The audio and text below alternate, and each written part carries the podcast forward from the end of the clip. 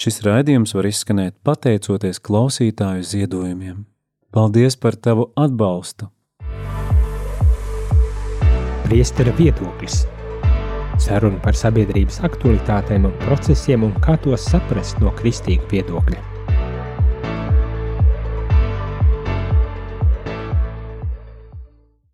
Labdien, labdien, rādījumā arī klausītāji šeit es, priesteris Jānis Meļņikovs, un kā jūs dzirdējāt, priestera viedoklis jauns raidījums, un šīs ir otrais raidījums, kurā mēs tad ar manu viesi, tas ir priesteri Ilmāru Tolstovu, mēģināsim aprunāt un pārunāt kaut kādas sabiedrības aktualitātes. Paldies, priesteri Ilmāru, kad es šeit un ka piekriti ar mums šeit sarunāties. Man arī prieks būt šeit, rādījumā arī ēterā. Esmu priecīgs, ka var atbraukt un padalīties par kādām svarīgām lietām. Burvīgi.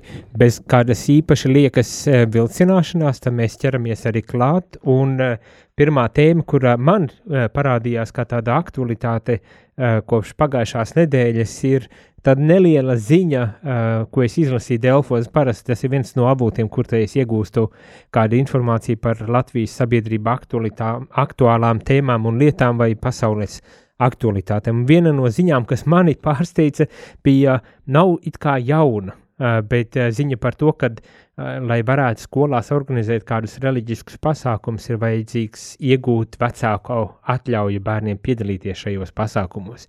Man šķiet, jau pirms kāda laika bija tāds uh, skandāls ogrē, un tagad atkal mēs dzirdam, ka, uh, ja nemaldos, bija baptistu mācītājam, uh, mācītājs, kurš bija uzaicināts uz skolas pasākumu, kurš uh, novadīja savu savu sakāmo un savu lietu, un, un tad, protams, uzrādījās uh, vecāki, kuri bija neapmierināti ar skolā pausto no šī mācītāja puses.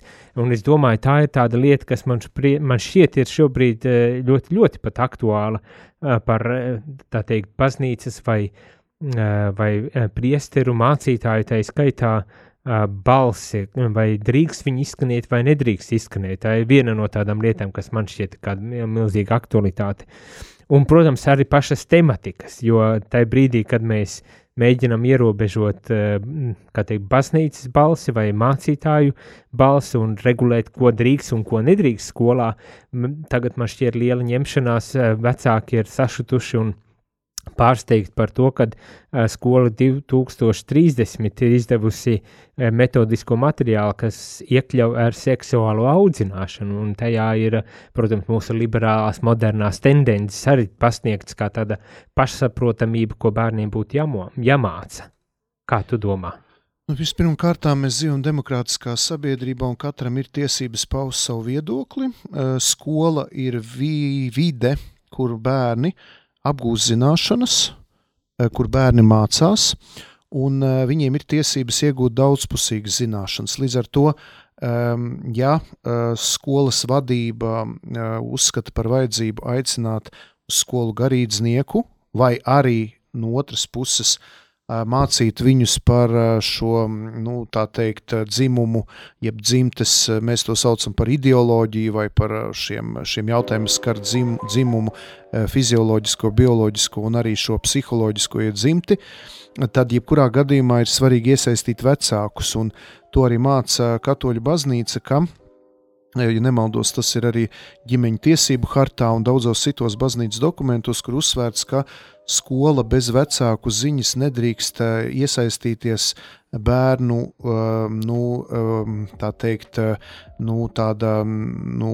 uzskata par tātad dzīves uzskata, jeb, jeb sirdsapziņas audzināšanā, tad skola var dot šīs zināšanas, kas skar, skar mm, šīs zināšanas ar šo, saistīts ar šīs pasaules realitātēm, bet, ja runa par ētiku un par ticības jautājumiem, tad ir svarīgi vecāku viedoklis. Un tas, ka ir vajadzīga vecāku atļauja gan tad, kad ierodas kāds kristiešu konfesijas garīdznieks, vai arī varbūt nekristīgs, varbūt kāda, kādu reizi būs arī kāds uh, musulmaņu imams, vai, vai kāds rabīns, vai kāds, nezinu, budistu skolotājs, jā, guru. Nu, tagad arī dievturī aizvien aktīvāki, manuprāt, mums sabiedrībā Jā, un es esmu iz, jā, un es izbrīnīts, ka, piemēram, vienā skolā ir um, mācību gadu, gadu iesāka, piemēram, šie folkloras kopas, kas veic tādus tur pagāniskus, maģiskus rituālus.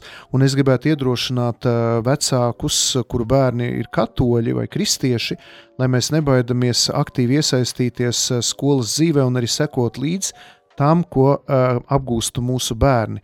Jo šajā gadījumā, ja daudzi vecāki ļoti jūtīgi uztver ka skolā ierodas kāds garīdznieks, varbūt tikpat jūtīgi ir jābūt attiecībā uz to, ja skolā atnāk kāds pārstāvis no vai nu šīs eh, gender, jeb dzimtes eh, tātad ideoloģijas, jeb tiem, kas vēlas tā kā neteiksim uzspies, bet ar, ar lielu tādu pārliecību to mācīt, vai arī kādas citas eh, mācības, kas mums nav pieņemas, tātad vajag aktīvi paust savu viedokli, lai mēs kā kristieši aizstāvētu arī savu ticību un arī vecāki aizstāvētu bērnus skolā pret dažādām nu, kaitīgām, nevajadzīgām ietekmēm un ideoloģijām. Nu, tā tad nebūtu pasīviem ar šajā jautājumā, un ne tikai tad, kad, eh, kad mācītāji nāk, bet arī tad, kad pamanām, ka tiek mācīts kaut kas pilnīgi neatbilstošs eh, jūsu ģimeņa izpratnē par, par kaut kādām lietām, tā skaitā ar seksualitāti. Un, nu, eh, identitāti, ja tā varētu teikt.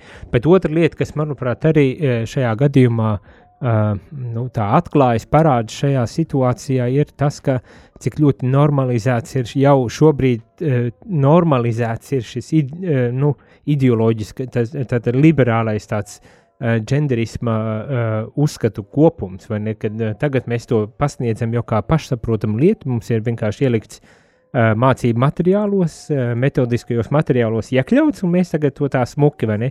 Un, ja kādam skolotājam ir kādi jautājumi, viņš var vienīgi, mierīgi pašķirt vaļā, redzēt, kas viņam jāmāc un, un sākt mācīt, un, un, un, un, un tas tik ļoti normalizēts šobrīd ir, ka mums ir pat ļoti grūti cīnīties pret to. Ja mēs pateiksim no mūsu katoļu puses vai no kristiešu viedokļa, Eh, šis nesaskan ar, ar, ar mācību, šis nesaskan ar to, kā mēs redzam pasauli un attiecības ar, ar pasauli, ar līdzcilvēkiem pašiem ar sevi, tad mēs tiekam vienkārši uh, noignorēti vai izslēgti no, no šīs sarunas. Tādēļ vien, ka uh, tas ir katolisks, tas ir kristīgs, tad tas ir novecojis, nederīgs, uh, atpalicis vai kaut kā tamlīdzīga, bet tagad šis uh, liberālais savukārt tiek pasniegts kā tāda norma, pašsaprotamība. Mm, jā, bet nevaram uzskatīt, ka uh, tikai kristieši ceļ trauksmi. Es Twitterī paskatījos, ja tagad jāsaka tajā, nezinu, kā X, X vai sauc, jā. jā. Tātad uh, tur ir um, labi, labi uzrakstījis psihoterapeits Nils Saks Konstantinovs, kurš parāda to, ka šī ideoloģija jau rietumos piedzīvo savu veidu norietu, bet mums, tā kā tas ir ierakstīts Eiropas Savienības vai citos Eiropas dokumentos, mums vienkārši, lai saņemtu finansējumu, tas ir jāizdara. Es nedomāju, ka šī lieta jau ir ļoti iesakņojusies mūsu Latvijas sabiedrībā, tas ir tagad tikai sāk nākt, bet pateicoties arī dažādu konfesiju kristiešiem, dažādiem, varētu teikt, veselīgi domājušiem cilvēkiem, nu nebūs jau tik vienkārši, un, un nevajag arī domāt, ka tagad bērniem to skolā mācīs, viņi uzreiz to visu pieņems. Tas, ka bērni skatās YouTube, TikToku, kur šā, šādi uh, dzimtes uh, nu, maiņas fenomeni tiek izcelti kā normalitātes, un mēs zinām, ka daudz jauniešu ietekmējas no šiem YouTube klipiņiem, no TikTokiem, Un arvien vairāk vecāki man dod signālu, ka bērnam ir 14 gadi, 13, 14. Viņš saka, es jūtos, ka es neesmu sieviete, bet es esmu vīrietis un tā tālāk. Bet daudzi psihologi saka, ka tas vienkārši ir modes kliedziens, tāds trends, un tāpēc jāatpazīst. Ir gadījumi, ka tiešām cilvēkam ir psiholoģiskas problēmas, un tādi ir e, daži gadījumi, kad e, ir vajadzīga palīdzība, kad cilvēks patiešām nejūtas savā ķermenī. Mēs nedrīkstam to noliegt, ka ir tādi cilvēki, kuri, uh, ir, ir, nu, kuriem ir, ir īstenībā tāda ne tikai sajūta, bet arī reāla pieredze savā dzīvē, ka viņi nejūtas savā dzimumā. Hmm. Bet tur ir vajadzīga palīdzība, un šādus cilvēkus nedrīkst diskriminēt. Viņus ir jāciena un jāatbalsta, bet tas jādara ir profesionāli. Bet šajā gadījumā tas jau veidojas kā tāds moderns trends, kad es redzu, ka arī jaunieši sāk ģērbties tā, it kā nevarētu pateikt, kāds viņam ir dzimums. Tas tā ir ļoti moderni. Un tāpēc tur ir klātesošas šīs ideoloģijas iezīmes. Nē, nu jā, un, un tas jau arī nav nekas jauns, kad eh, caur šo kultūras kaut kādām tendencēm, kas ir parādījušās, ka tas daudz vairāk ietekmē un principā arī nosaka to, kādā veidā mēs uztveram lietas pasaulē un ar tā skaitā paši sevi. Un par nožēlu, manuprāt, ir tā, ka mēs pat lielā mērā nekontrolējam to, ne, nespējam īsti kontrolēt. Vienīgais, nu, pateikt, nostāties stingri savām kājām un teikt, nē, es negribu šeit, un, un novērsties tā, un runāt par to, un parādīt, ka ir otra tā puse, vai ne, arī šajā visā bildē vai tajā kultūras sfērā. Un vienlaikus tas milzīgais apgrūtinājums vai grūtība, ar kuru saskaras cilvēki, kuri šim nepiekrīt, jo ir televīzija, ir visi sociālie mēdīji, kur tas tiek uh, nepārtraukti pilināts pat ļoti maziņos veidi, veidos, un, un grūti tam stāties pretī. Grūti to kaut kādā veidā ietekmēt. Ka, ko mēs kā kristieši, izņemot to, kad mēs skaļi uh, runājam par tām lietām, varam darīt, vai ir kaut kas, ko var darīt? Nu, mums nav jācīnās ar ļaunumu tie tādā tiešā veidā, bet es domāju, ka mums jāturpina uh, darboties un strādāt ģimeņu jomā, jāatbalsta jaunieši un jāpulcina ap sevi, ja tā varētu teikt, negribās tikai lietot šo vārdu konservatīvi domājušs cilvēks, jo būtu ļoti primitīvi dalīt cilvēkus tikai liberālā un konservatīvā. Es domāju, šeit vienkārši jāskatās dziļāk un jāpēta arī šīs gender, jeb dzimtes ideoloģijas saknes un arī mērķus, uz kurien tas dodas, kāds ir tas mērķis. Un eh, skaidrs, ka ja agrāk eh, marksismā eh, bija ļoti spēcīgi izteikta šī šķiru cīņa, un marksisms mēģināja sevi realizēt caur dažādu to šķiru klasu cīņām, tad mūsdienās marksistiskā ideoloģija ir atradusi jaunu veidu, kā cīnīties ar dzimumiem un ar dzimumu atšķirībām.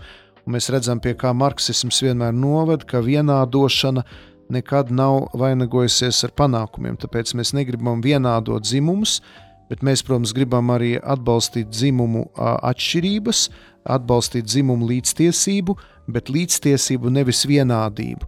Un tāpēc mums jārunā par vienotību dažādībā, un katoļu baznīca ir tas, ja tā var teikt, trumpis, ka mūsu mācības pamatā ir Kristus iemiesošanās, tātad Dievs, kurš pieņem cilvēka dabu, bet šī viņa dievišķība nesaplūst ar cilvēcību. Un tā Kristus dievišķās un cilvēciskās dabas tāda Tā hipostātiskā vienība ir kā paraugs, pamats daudzām citām vienībām, kas ir pasaulē, un tas var būt par pamatu tam, ka mēs atzīstam, piemēram, dzimumu līdztiesību, bet nevis vienādību. Un, un to mums vajag arī vairāk popularizēt, un tas ir tāds visu laiku jaunums, tas novums, ar ko mēs varam iet kā ar šo karogu, ka, mēs, ka mums ir šī unikāla mācība, ka mēs nevis gribam visus novienādot vai arī izcelt šausmīgi atšķirības, bet eh, darboties vienotībā, kas ir iet, kurā ietvert ir arī šī dažādība. Vai ne, nu, tas tas lielākais paradoks, kad uh, viss labi zināmais vecais tagad atkal tiek pa, pa, atklājis kā pilnīga radikāla novitāte, jaunums kaut jā, kāda sabiedrībā. Jā. Mēs pārlecam fiksi varbūt tās tālāk, jo par šo pašu Um, tematiku arī ir, protams, Stambuls konvencija, kuru atkal grib uh, best uz, nest uz saimu un dabūt, uh, dabūt ratifikāciju. Un es domāju, mēs par to daudz un dikti esam runājuši un sprieduši, un baznīca, tā skaitā ar katoļu baznīcu, ir gan vēstules rakstījuši, parakstījuši kopā ar visiem citiem kon, lielajo, lielo konfesiju biskupiem un tā tālāk. Bet, bet tas ir tas jautājums, vai mēs tiešām iestājāmies pret, pret vārdarbību, pret jaunumu, ne? Protams, ka nē. Bet kā mēs to pamatojam un kā mēs varam kā, kā kristīgi cilvēki tagad uh, uh, nenoraidīt to pamatu uzstādījumu, kas tiek piedāvāts šajā ziņā, aizstāvēt uh, vājāko šai gadījumā sievietes un, un bērnus, bet vienlaikus arī uh, pastāvēt uz, uz kaut kādām niansēm. Tas ir atkal tas genderisms, ne, kas tiek ļoti, ļoti tādā, nu, negribas teikt, viltīgā veidā, bet nu, tas tiek ielikts arī šajā. šajā Uh, uh, konvencijā, ne, un tad pasniegts kā, kā tāda normalitāte jau. Nu, es arī varu saprast šīs Stambulas konvencijas uh, veidotāju jēgu. Viņi jau nav nekādi ļaundari. Un es negribētu tagad demonizēt tos visus, kas saka, genderisms, jo tā ideja ir ļoti laba. Un tas, tas mērķis ir tāds, ka pasargāt sievietes no vardarbības. Jāsaprot, ka šī konvencija uzrakstīta visai pasaulē. Un pasaulē ir ļoti liela da dažādība un ir tādas ciltis, jeb tautas, kurās reliģiskās vai kultūras tradīcijas ietvēra sevī piemēram, cilvēka kropļošana vai padarīšana neauglīgu sievietēm, tika veikts kaut kādas operācijas. Un tad tajā konvencijā, tur, kur ir tas jautājums par šo dzimti, jeb genderu, ir pateikts to, ka nu, var gadīties, un visdrīzāk ir tādas situācijas, kad dažādas reliģiskās vai kultūras tradīcijas, kā, kuras izceļ vīrieša vai sievietes bioloģiskā dzimuma atšķirības, ir tik graujošas, nu, šajās reliģiskajās kultūras tradīcijās, ka viņas kļūst vardarbīgas īpaši sievietēm. Un tad viņi vēlas pateikt to, ka nestoties to, ka, nu, kad, ir, kad ir šīs nu, reliģiskās kultūras tradīcijas, viņas nedrīkst savā nu, tādā reliģiskā, filozofiskā, kultūrā izplatnē, izpratnē uzbrukt sievietei, ka, tāpēc tikai, ka viņa ir sieviete. Un tur parādās tas, ka ir, ir, ir, ir labi pieņemt, ka sieviete var būt bioloģiski sieviete, bet viņa var justies arī kā vīrietis, un ka dažādās kultūrās ir dažādas e, vīriešu un sievieš, sievietes, tātad šīs te e, dzimuma lomas, uztveres e, īpatnības. Ja. Tā kā jāsaprot, ka šīs konvencijas rakstītāji nebija tādi milzīgi ļaundari, tādi ar ragiem un nagiem, tagad šausmīgi uzbrukt. Bet iznāk tā, un arī, protams, eh, nu, problemātika tur ir nopietna problemātika. Jā, nav tā, ka, jā, ka bija... viņi mēģina risināt tieši tās problēmas, kas īpaši ir klātesošas dažādās Āfrikas ciltīs un dažādās tautās. Bet pārnesot šo, šo konvenciju uz mūsu zemi, Iznāk, ka nu, notiek uzbrukums arī um, nu, kristiešiem, kristietībai un latviskai dzīves ziņas tradīcijai, kas ļoti konsekventi uzsver uh, vīrieša, piemēram, vīrišķīgo lomu, sievietes sievišķīgo lomu, kur dainās tiek ap, apdziedāts, ka sieviete ir pavarda turētāja, mā, bērnu audzinātāja un vīrs ir arājiņš un, un naudas gādātājs. Un viņi uzreiz saka, jā, bet šīs ir tādas, uh, nu, uh, nu tie, šie ir tātad kulturāli konstrukti, punkti, kas ierobežo sievieti. Redz, viņa jāsēž pie pavārda, jāaudzina bērnu, viņa nevar būt biznesā, viņa nevar iet kaut kur veiksmīgi būt, jo redziet, eh, Dainas un latviskā dzīveziņa, un, piemēram, katoliskā vai cita konfesija baznīca notiekusi, ka viņai tieši šādas šauri nospraustas lomas. Bet un, tā tas nebūtu patiesībā arī nav, un turklāt mūsdienu sabiedrībā, tā skaitā arī Latvijā, šeit, kad tā paskatāmies, tad uh, tad šo dzimuma lomu mainīgums vai plūdums arī var tikt novērots. Nu, kad, piemēram, mēs, es pats esmu saticis, un es domāju, tu esi saticis kā priesteri, mēs satiekam to, ka, piemēram, mēs kādā dzīves posmā, īpaši uzsākot laulības dzīvi, varbūt tās vīrietis ir bijis tas, kurš rūpējas par ģimenes uh, maku vai ne, nes naudu mājās, un Jā. sieva atkal rūpējas par bērniem tikai tādēļ, ka nu, tā ir uh, izveidojies, ka māte ir viena ģimene. Un, un tad atkal pamainās kaut kādā brīdī šīs lomas, kad pienāk pensija vai kas, kur vīrs aiziet pensijā, un tad sieva atkal kaut kā, nu, kad tas ir plūstoši, un tas ir sastopams ar mūsu, mūsu kultūrā, tikai mums, man šķiet, ir tomēr bail uh, Uh, pateikt, ka nu, tas ir plūstoši, ka mēs baidāmies, ka līdz ar to tas ietvers arī tādas lietas, kas nav plūstošas patiesībā. Man, nu, tas ir ar, ar, ar dzimumu uh, saistītas nu, lietas. Jā, baz, um, kristietība un kristīgā baznīca jau nenoliedz to, ka mēs nevaram palikt kaut kādā 100, 200 gadu uh, senā pagātnē un, un, un uzspiest, jeb piespiest cilvēkiem dzīvot tādos tādos uh, sociālos konstruktos, kāda bija agrāk. Skaidrs, ka ir jādomā par to, lai uh, sieviete un vīrietis varētu sevi realizēt uh, dažādās jomās, un skaidrs, ka tāds uzskats, ka sievietei ir jādara tikai tādi un tādi darbi, vīrietim tādi, tādi, tas ir novecojis uzskats. Ja? Un arī evaņģēlijas un svētie raksti to nemāca. Pat ja Pāvils savā vēstulēs lieto zināmus izteiksmes līdzekļus, kas bija domāti tam laikam, kad viņš dzīvo un kas bija saistīti ar semītisko kultūru, tomēr tomēr uh, Kristus nes tā vēsts ļoti atbrīvojuši gan kā vīrietim, gan kā sievietei. Jautājums tikai, lai mēs nesākam sociālās, sociālo dzimumu, jeb šīs dzimtes uh, tātad uz, uzskatu, nesākam likt pārāku par bioloģisko dzimumu un neizjaucam to kristīgās antropoloģijas principu, kas ir vīrietis un kas ir sieviete. Ja. Un šī robeža ir ļoti trausla, nepamanāma, ļoti slidena. Tāpēc jautājums, kas skar Stambulas konvenciju, kas skar šo genderu, jeb dzimtas ideoloģiju, tas nav tik vienkārši. Tu nevari tik vienkāršot. Tur jābūt ļoti labām zināšanām, arī kristīgajā antropoloģijā. lai varētu saprast, kur tad ir robeža starp, starp šīm bioloģiskām dzimuma atšķirībām, kur tad sākas šie sociālie konstrukti. Es negribu noliekt, ka šie sociālie konstrukti neeksistē. Mēs visi darbojamies pēc kaut kādiem stereotipiem. Mēs katrs nākam no savas tautas, piemēram, poļiem ir savi stereotipi, krieviem, latgaliešiem, kurzemniekiem, zemgaļiem, jā, nu, jā, tur redzi, nu, dažādās normāla. vidēs, kas ir ir pieņemts. Jā, un skaidrs, ka ne viss tas, kas ir bijis pieņemts, tas ir atbilstoši, bet tur jābūt tādai gudrībai un svētā gara gaismai, lai spētu savietot bioloģisko dzimumu ar šiem nu, sociāliem konstruktiem, kas veidojušies tradīciju nu, ietvaros. Tātad, principā, mums vajadzētu atrast veidu, kā mēs varam Uh, sarunāties ar, ar, ar cilvēkiem un ar šajā jautājumā iziet uz kaut kādu konstruktīvu dialogu, sarunu, mēģināt rast kaut kādus kompromisus un atrast uh, veidu, kā skatīties uz šīm lietām, tā skaitā, kas attiec uz, uh, uz, uh, nu, uz to genderismu, ja tā viņu gribētos nosaukt. Bet man liekas, arī ir skaidra lieta uh, par to, ka uh, baznīca iestājas pret vardarbību un pret uh, visādi veidi ļaunumu.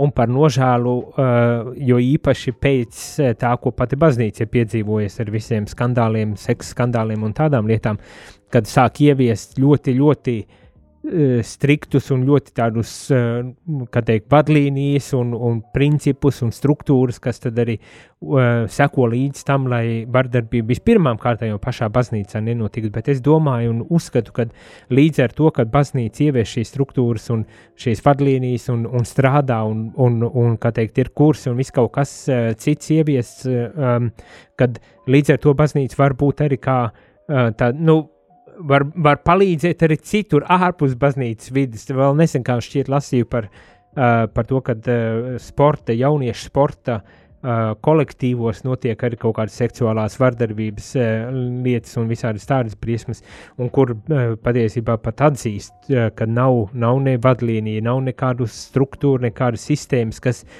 kas seko līdzi un novērš, ka kaut kas tam līdzīgs varētu notikt. Nu, ko es ar to visu gribēju tikai pateikt, kad uh, Stambulas konvencija nav tā, ka baznīca ir pret Stambulas konvenciju principu pēc. Mēs esam pret vardarbību, jebkādās formās.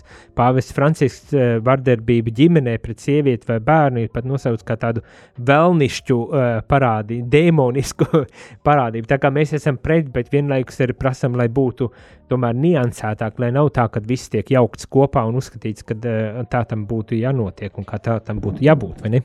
Jā, es varētu arī teikt, ka viens no tādiem lielākiem iemesliem, kāpēc tieši katoliskajā baznīcā šī vardarbība varēja atrast vietu par nožēlu, ir tāpēc, ka baznīca daudzās situācijās ir ļoti tāda hierarhiski, hierarhiski strukturēta, un ja tās struktūras ir tik ļoti smagnējas un tur nav Kristus atbrīvošā vēsts, tad aiz šīm struktūrām var viegli noslēpties, aiz, aiz eh, institūcijas, aiz kaut kādām schēmām. Ja. Nu, birokrātiskais Jā, aparāts. tāpēc ļoti svarīgi šī Kristus atbrīvošā vēsts. Ja tu piedzīvo Kristu kā atbrīvotāju, tad tu redzi, ka šī brīvība ienāk ģimenē, ienāk vīriešu, sieviešu attiecībās, attiecībās ar bērniem. Tur vairs nav vietas nekādām šādām šausminošām lietām, jo Kristus nāk mūs atbrīvot un dziedināt no visām šīm grūtībām. Burvīgi aizējām mazā muzikālā pauzītē, un tad atgriežamies, lai paturpinātu ar vēl kādām dažām aktualitātēm. Varbūt tās arī tev, priesierimā, ir savas aktualitātes, ko gribi risināt, bet nu, tas pēc muzikālās pauzītes tādā gadījumā.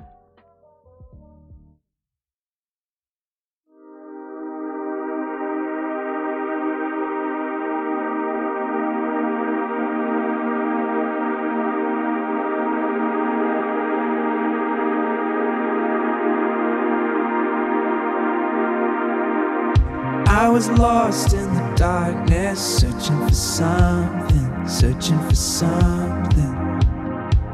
To be the love I was missing, but there was nothing, but there was nothing. And there in my searching, running in circles, and still feeling empty inside. You showed me the love I was longing for all of my life.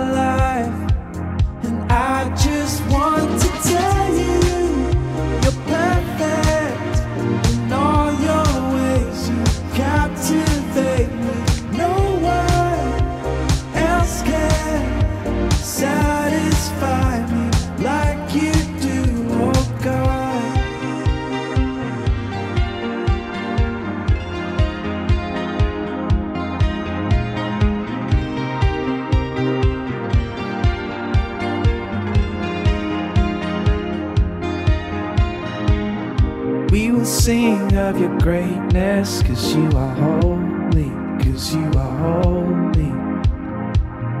We will not stay silent, cause you are worthy, cause you are worthy. Your love is the compass, you're leading me forward, you're with me in every fight. You're right there beside me, my strength in the darkest of nights. I just want to tell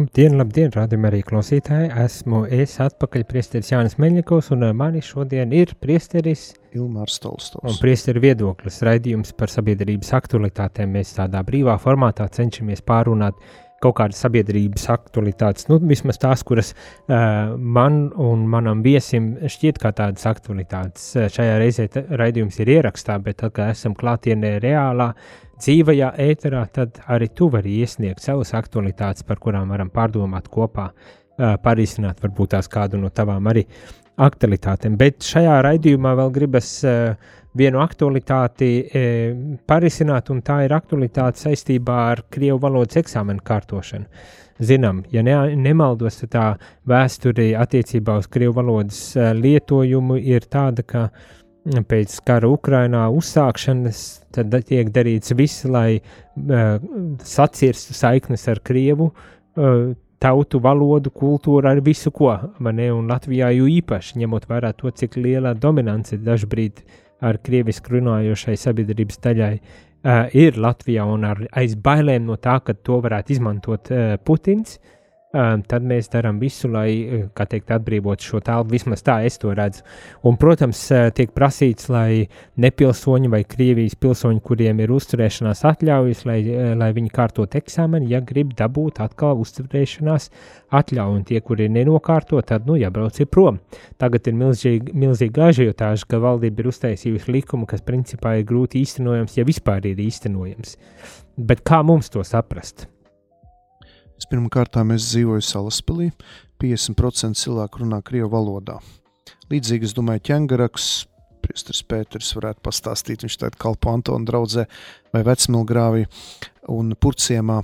E, To, to vajadzēja darīt jau sen. Viņus ir jāspiež uh, mācīties tikai latviešu valodā.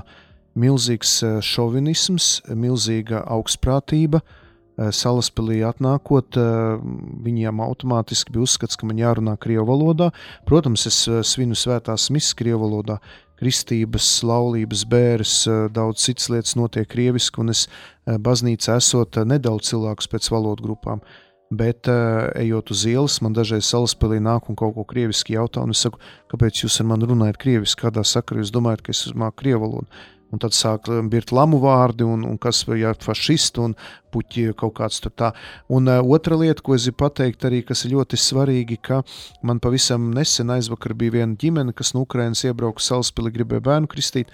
Viņa teica, ka bērnu laukumiņā tātad sākot runāt ukrainiski, viņām reāli fiziski uzbruka cilvēki. Tā kā es domāju, ka tas jāturpina un tur nevajag nekādas dot atlaides. Eh, Tas, kā eh, šie cilvēki, krieviski runājošie, runā mājās, tā ir viņa personiskā lieta. Tātad eh, viss šis jautājums, tātad, kā viņi kopi savu kultūru, mēs neesam pret krievu tautu, pret kultūru, pret valodu, bet Latvijā jārunā latviski oficiālajās iestādēs, arī skolās.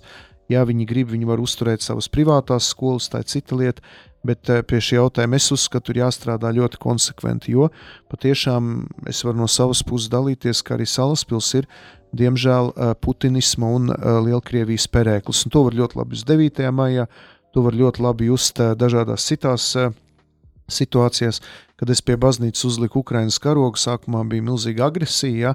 tagad tas ir viņi, viņi nobijušies, viņi sēž savā saliņā, bet pēc būtības eh, nekas nav mainījies. Domāšanas veids palicis tā kā turpināt, konsekventi strādāt pie to, lai Latvija būtu latviska, lai visur mēs dzirdētu latviešu valodu. Tas, ka šie cilvēki ir krievi un runā krieviski, tā nav uh, viņu, nu, mēs viņus nediskriminējam. Viņiem ir tiesības domāt krieviski, runāt krieviski, nezinu, klausīties krievu mūziku, klausīties krievu, nezinu, skatīties Nu no, jā, filmas.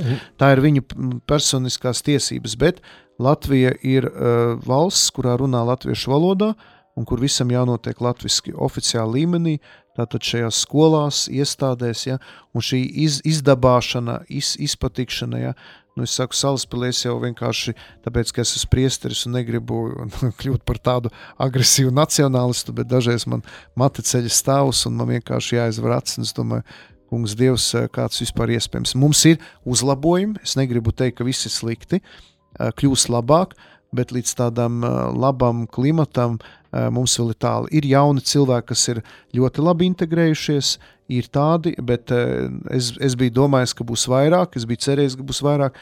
Diemžēl, ja runā par salaspilsētu situāciju, mums ir ļoti, ļoti daudz darām darbu. Jā, jo man jau personīgi pa lielam nav tik ļo- ļoti daudz saskares ar mm, krieviski runājušiem cilvēkiem, ar visiem, kuriem es sastopos. Man parasti rodas priekšstats, nu, cepuri nos cilvēki, pat ja arī dzimtā valoda ir krieviņu, runā arī latviski, un man nekad nav bijusi, eh, principā, tāda saruna par šo tematiku, un līdz ar to man pašam arī ļoti interesanti dzirdēt, ka, ka, ka tev draudzē atrodoties, tas ir pavisam citādi. Viņiem ir viena problēma, tad, kad ir viņi vieni paši, tad viss kārtībā, bet viņi ir bara cilvēki. Tā ir slāva tādas tautas īpatnība, ka tad, kad viņi sanāk kopā, viņi momentāli kļūst agresīvi, viņi vēlas, tāpēc viņi arī dzīvo tādos anklāvos, ja, Daugavpils, eh, tāpat arī Purciems, Ķengaraks, Vecmilgraus, ka viņi sanāk kopā, viņi momentāli vēlas, lai visapkārt ap viņiem būtu tikai krievu valoda. Ja. Tas ir arī kaut kāds pašaizsardzības instinkts, viņus var saprast. Ja, arī Vācijā ļoti līdzīgi. Viņi izveido tādus kā, tādus kā apgabaliņus, ja, kur viņi grib, lai viss būtu krieviski. Bet uh, mēs to nevaram pieļaut, jo šajos anklāvos, jeb apgabalos veidojas arī šie te, uh, nu, pretvalstiskie elementi un veidojas arī dažādas šovinistiskas grupas. Tā kā ir jāstrādā pie tā, lai, lai mazinātu šo tādu viņu tādu, nu, koncentrēšanos, jeb veidošanu, tādas mazās, mazās Krievijas veidošanu šeit, Latvijā, dažādās vietās. Es domāju, mums arī nebūs tāda pilnīgi skaidra un noteikta atbilde, kā tad panākt to, lai tas notiktu, bet, manuprāt, valsts virziens šajā gadījumā ir, arī, kā tu saki, principā ļoti pareizi un pareizā virzienā ejam, bet vienlaiks kā saglabāt to, ka tas notiek cieņpilnā veidā, lai nav tā, ka uh, mēs tiešām, jo ir jau cilvēki, kas uh, ne jau kā teikt, ne, viņiem nav nekāda ļaunuma ne pret latviskumu, ne, ne pret valsti, kā tam līdzīgi. Un, un dažu brīdi man vismaz tāds priekšstats veidojas, ka pateicoties Putinam, ir arī tādi cilvēki, kas ir sapratuši, paga, paga, kur es gribu piederēt, ne, nevis eh, kur man val- valoda varbūt tās man it kā pieliek, ieliek, bet kur es patiesībā gribu piederēt. Kā tas arī tāds ne viennozīmīgs, eh, neviennozīmīga situācija, bet, eh, bet kur, nu, kā tu saki, laikam vajag tomēr uzstāt uz to, ka mēs, Nu, mēs jā, esam šeit un mēs Principā- respektējam arī lokālo. Ja viens rādījuma arī Latvijas klausītājs, esot Purciemā, Vecmugravē, Ķengaragā, Salaspilī, Daugopilī, ja jums kāds uz ielas kaut ko prasa krieviski, jūs pasakiet, kāpēc jūs Latvijā man sākat ar mani runāt krieviski. Pamēģiniet to izdarīt. Un jo vairāk mēs tā darīsim, jo vairāk situācija mainīsies. Viņiem, krieviski runājušiem cilvēkiem, kas uz ielas domā, ka visiem jārunā krieviski, vienkārši vajag likt saprast, atvainojiet, jūs sākat vispirms runāt latviešu, Ja abi sarunas partneri vēlas pēc tam pāriet uz krievu tad tā ir cita lieta. Bet kāpēc viņiem ir tāda domāšana un uzskats, ka man Jā, ar viņu jārunā krievu valodā? Tas ir pavisam maza lietiņa, bet pamēģiniet un redzēsiet reakciju. Un, un ja mēs, jo vairāk mēs to darīsim, jo lielāki būs panākumi. Tas ir pavisam vienkārši. Man ir bijuši kādi gadījumi, bet es parasti arī norēģēju latviešu, un cilvēki arī pāriet uz latviešu valodu. Man šķiet, pa lielam, cik es atceros. Bet, bet ir vērts viņam bet, uzdot jautājumu, kāpēc jā, jūs jā, jā. ar mani sākāt runāt krieviski. Tā kā drusku arī izprovocēt sarunu, ne tikai jā. tā atstāt to tādā nerefleksīvā mhm. stāvoklī. Mm. Nu, arī, lab, ab, arī lab, labs veids, kā, kā varbūt tās mēģināt mazā veidiņā tomēr parādīt un un pateikt, ka ir, ir, ir varbūt tās jābūt drusku citādākām tām lietām, ja mēs gribam visi e, labi un kopā un, jo un harmonijā. Kādu dzīvot. laiku bija Valmierā, un man stāstīja, ka Valmierā arī krieviski runājuši cilvēki, bet tā kā viņi ļoti maz, tad viņi principā visi gan arī runā latviski, tikai krieviski runā savās ģimenēs. Tur, kur ir latviska vide, Tur krieviski runājušie ļoti labi integrējušies. Viņi pat nepateiks, ka viņš ir krievs, bet uh, viņš runā tikpat brīvi latviešu un nav nekāda problēma. Te ir problēma tieši ar šiem anklāviem, ar šīm, ar šīm grupām, kur viņi ir nogrupējušies. Tā ir Daugopils, tā ir, uh, tas ir Ķengaraks, tas ir Vecmilgrāvis, Salaspils un vēl kādi anklāvi, kur viņi jūtas jau tā kā Krievijā. Nu, paldies Dievam, viņi tad nebrauk ar Krievijas karogiem, kaut arī uh, Vēl pirms diviem mēnešiem es redzēju vienam uz mašīnas, kuram ir SSR karodziņš, bet es uzreiz piefiksēju numuru, zvanu policijai, viņam uzreiz seko ceļa policija un uzreiz viņš saņem sodu, jo pēc Latvijas likumdošanas nekādus PSRS simbolus, slavinošus simbolus publiski lietot nedrīkst. Ja? Tā kā tāds mazs maz, maz piesakojums, skatīs, skatāmies, kas notiek, ja pamanām, uzreiz reaģējam, lai viņi jūt, ka viņi nevar būt visatļautībā, ka tomēr ir jāievēro šeit likumi un jā, jāapzinās, ka viņi dzīvo Latvijā. Nu jā, nu šādā veidā var risināt tās lietas. Es, protams, mana tā reakcija ir, kā lai mēs nekļūstam viens otram par tādiem policistiem, kā, kā varbūt tas bija padomju laikos. Es arī par to drusītiņu aizdomājos, bet tas, es domāju, ir jautājums, kuru mēs varēsim atrisināt tikai tad, kad mēģināsim kaut kādas lietas sakārtot, vai ne? Rādījuma arī klausītājs sirsnīgs, paldies par to, ka bijāt kopā ar mani, priesteri Jānu Meļņikavu un manu viesi Priesteri Ilmāra Tolstova. Uz tikšanos nākošajā reizē uh, priesteri viedoklis. Izskanēja raidījums Priesteri viedoklis – saruna par sabiedrības aktualitātēm un procesiem, kas bija iespējama pateicoties jūsu ziedojumam. Paldies!